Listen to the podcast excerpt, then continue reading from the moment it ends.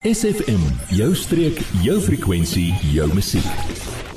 Kus tot kruin, jou weeklikse blik op die omgewing en die bewaring daarvan word met trots geborg deur Sandpiper Cottages Bochumsbaai, want hier gee ons om vir jou en die omgewing. Uh goeiemôre, Fred Orban hierso, julle weeklikse program Kus tot kruin en vanmôre het ons hier 'n baie interessante man. We have uh, Professor Curtis Marion from the Arizona State University and uh, a foundation professor and also uh, an honorary professor at the Nelson Mandela University. And Curtis has been in this country for many years. Curtis, how long have you been in South Africa? Yeah, I started doing scientific research here in 1991. 1991. Yeah. And what are you researching? We're going to talk about that today. Well, I, I started over at a small town called De Kelders, of course, which is close. If you don't know De Kelders, it's close to Gansbaai Yeah. and Hermanus. Yeah. And then in 1999, I started over here in Mossel Bay at Pinnacle Point. Did you find that more interesting than the Kelders, or did you find better evidence of the the Middle Stone Age? Is your research? Uh, Yeah, so um, I had some ideas that suggested that the South Coast would be an important place to do research. Okay. So I had I was looking around for a place on the South Coast to shift my research strategy, and uh, the Pinnacle, Pinnacle Point Caves were found by uh, John Kaplan and um, Peter Nilssen during Yeah. an environmental impact study, and that's how we got started. that was the impact study for the uh, development of the golf course, It the was, Pinnacle Point yeah. Golf Course, which is a, a world famous course now. Yep, yep. So they had to do an environmental impact study and a heritage impact Yeah. study. That's required by law. And they did the heritage impact study, and uh, that's what led to the discovery of the caves. Now, I just want to ask you a few questions. Um, the first one, and we can be very brief about it, but what are the scientific questions addressed by the research at Pinnacle Point? Right. So uh, the science, um, many, many years of science, probably 100 years of science, has showed us that uh, modern humans evolved in Africa, all modern humans. And um, that the, the first modern humans probably arose around 200,000 years ago. And around 70,000 years ago, a small founder population mm-hmm. leaves Africa and populates the rest of the planet. So we, we now know that everyone alive on the planet today is actually an, an African. And we in Mossel Bay sometimes do not realize the importance of this because I always say if you don't know where you come from, you don't care where you come from, you can't care where you're going. Right. Yeah, exactly. SFM, maak elke dag 'n goed gevoel dag. Ja, ons gesels vandag hier op Kus tot Kruin met julle. Ja, al ons luisteraars wat bevoorreg is om na professor Curtis Marion van die Arizona State Universiteit te luister. Hierdie musiekie wat nou net uh, gespeel is, uh, sit ons weer in die by om professor Curtis Marion weer in die woord te kry sodat ons kan praat oor die uh die World Heritage Status. Professor Curtis Marion. The World Heritage Status. What are the great discoveries at Pinnacle Point that made it worthy of the World Heritage State?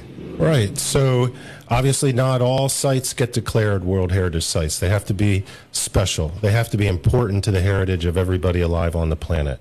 So the first major discovery we made at Pinnacle Point was the earliest evidence for people using seafoods.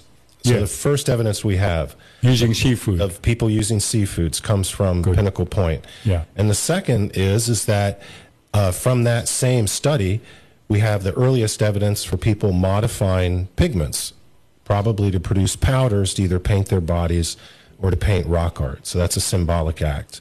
So that was our first major result in 2007. Then in 2009, Yeah. We had an, we published another major result was the earliest evidence for complex pyrotechnology. So that's using fire and heat to modify raw materials, which of course is the foundation of many of our technologies today. Well, basically, if you, we started off you saying it's modern humans. Now, modern humans, one thinks was somebody with a suit on and a tie and a black tie and that sort of stuff. But the modern human, modern humans mean actually what? From Yeah. anatomical humans to modern humans. Right. So there's so Homo sapiens, uh, which is our the the scientific name for our species, is defined by anatomy, but a modern human is actually something very specific. It's it's a it's a Homo sapiens that has all the cognitive and psychological machinery that defines us. our high levels of cooperation, our our ability to assemble, our our focus on social learning. Those are that's what I mean by psychological machinery. Yeah, and also we have the ability, unlike animals who can use weapons, we have the ability to put two things together to make a, a better thing. Is that right? Animals Right. can't normally do that. Right. Yeah, that's a combination of our high level of cognition, the ability Yeah. to build these complex recipe technologies, and the ability to work in groups so that we can farm out the labor in a sense, right? Labor specialization. Because uh, as the technology becomes more and more important, no single person can make a, an item. It takes it takes a group. It certainly takes a group and it takes the sharing of knowledge and the sharing of instincts and the sharing of experience. Exactly. The sharing of knowledge is one of the, the key parts of being a modern human. Uh, it's passing on knowledge across generations to uh, family and friends and other individuals. And that's, of course, requires language. The one thing I appreciate about you, uh, Curtis, having known you for about 15 or 20 years since the start, which made me very much interested in where I come from. And I haven't found out yet, but uh, I also don't want to dig back too far either, because one never knows what you can come up with. But uh, but it, it, it's so nice to listen to you explaining the science in a very uh, specific and a very simple way. We are going to listen to a little bit of music again, and then uh, you are busy listening to your program, your weekly program on the environment. And believe it or not, archaeology is part of the environment because humans are part of nature, and nature is part of humans. Nature can do without humans, but humans cannot do without nature. So we better look after it, and that is what our program is all about. And now we're digging right back into our past to see how successful we were and how successful can we be in future. Word deel van ons Facebookblad vandag nog facebook.com vorentoe skuinstreepie sfm streek. Môre, ons praat met professor Curtis Marion en ons gesels oor die wêreldstatus of World Heritage status van Pinnacle Point en ook die waarde van die ontdekkings wat hier by Mosselbaai gebied gemaak is. Curtis, what is the status of the World Heritage nomination? I mean, you, you mentioned that it's very important and and it it focuses people on something that special that the planet has. There are not many World Heritage statuses in South Africa or in Africa for that matter, although uh, uh, there are a number, of course. But I mean, these are very special. Can you uh, elaborate a little bit around that? Yeah, countries compete for World Heritage Sites because they're a real badge of honor. And uh, beyond being a badge of honor, they draw tourists, international tourists who. Yeah. Um, and those those World Heritage tourists are normally well-paying tourists, so they generate income and jobs. So countries work hard to get World Heritage sites. Uh, the World Heritage application, the, the the dossier, which it's a long document, it was submitted earlier this year, and uh, there's there's a whole series of evaluations that have to take place. Um, and I think the first that we will know about the status, whether or not it has been declared a World Heritage Site, would be something like July of next year, 2024. So the process is on the go at the moment. The Uh, process is on the go. The biggest job was building that that application, that dossier, which Yeah. took more than 10 years. Who did that? Is that your team from the Arizona State University together with Nelson Mandela University? Well, it, it, it actually is a gigantic team of people. And it started here in Mossel Bay. There was a meeting um, uh, more than 10 years ago in Mossel Bay of the, of the South African World Heritage Committee. Yeah. And uh, there were various pitches made, what sites would be part of it. Um, and then uh, stakeholders worked on it. And eventually um, it was picked up by Western Cape Province.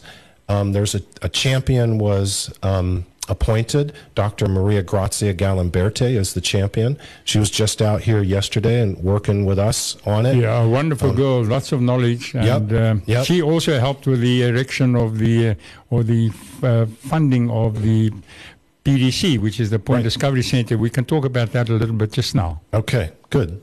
Okay, but thank you very much, Curtis, for the information so far. We're going to go on to our, our final question.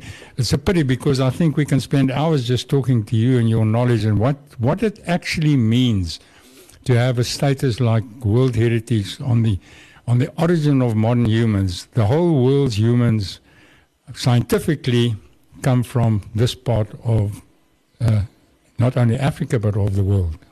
Jy, ja jy. Nou dat ons jou aandag het, vertel jou vriende van SFM en ondersteun plaaslik. SFM maak elke dag 'n goed gevoel dag. SFM.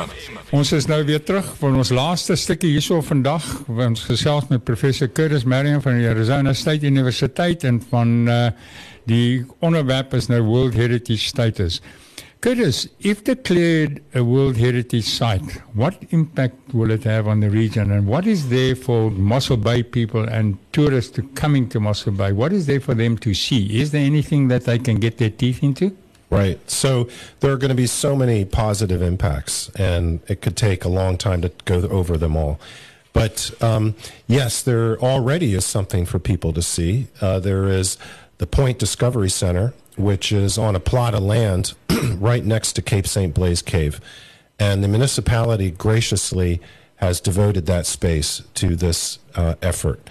And um, as it stands now, it's rather modest. We have one exhibit that's actually a, a beautiful exhibit.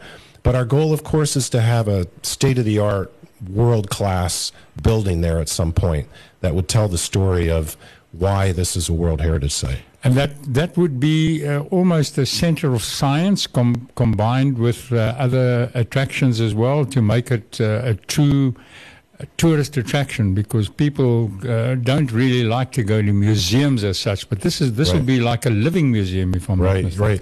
Yeah, we the original plan, the original vision had kind of four pillars to it: a world class exhibit that would tell the story, Yeah. um, a world class outside experience, which Yeah. could be many, many different things. Um, a world class community center where people could give talks, but also you could have other cultural events like music, and then a research center attached to it. Well, you know, just to come right back to where we started from as humans, humans live off the sea. I think 70% of humans in this world live off the coast for some hmm. reason or for coastal products. Without the coast and without the coastal belt and the and the, the not only the marine animals but also the vegetation, no life can actually exist because people have to eat and nature in nature everything eats everything else. And we as humans, if we want to survive, we have to look after nature because if nature doesn't provide, we will have nothing to eat. Am I right? and and that is basically Yeah. how it uh, ties into your research as well. Exactly. Yeah. Yeah. I mean, we have to live. We have to learn to live in balance with the oceans and the seas. Um, there's no way that we can use the seas and oceans without having an impact, but we can find a, a way to operate in, in synchrony with it. But the story from Pinnacle Point is 160,000 years ago. People first began exploiting seafoods, and they they they have eventually developed an equilibrium of life with those that sea. Correct. That's why we've got something left because they looked after it. So if we want to yeah. leave something behind, we have to look after it. Exactly. Otherwise, our our ancestors or our ancestors, our the people that come after us. I don't know what the English term is for that now. My Afrikaans is he's he's coming into my mind. But Curtis, thank you very much. And um, I know you're on a brief visit here from the USA. You're leaving tomorrow again to go back. You Yep. spend some weeks here. Yep. Are you coming back again sometime? We can give you another talk, or you can give us another talk. Sorry, we're giving you Well, opportunity. before COVID, I used to come over for four months a year. COVID kind of knocked us off our game, but we're getting back on it. And I've been here for three weeks. I'll be back twice again next year. oh, you're not coming back this year? Probably not. I have to teach. That's how I get paid. Thank you very much en baie dankie mense.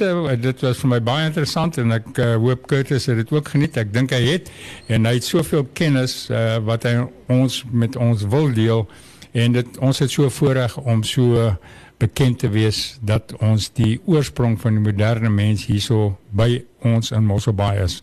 Ons moet dit nie vergeet nie, so kom ons pas ons plek op. Baie dankie en ons sien julle weer volgende week. Thank you Curtis.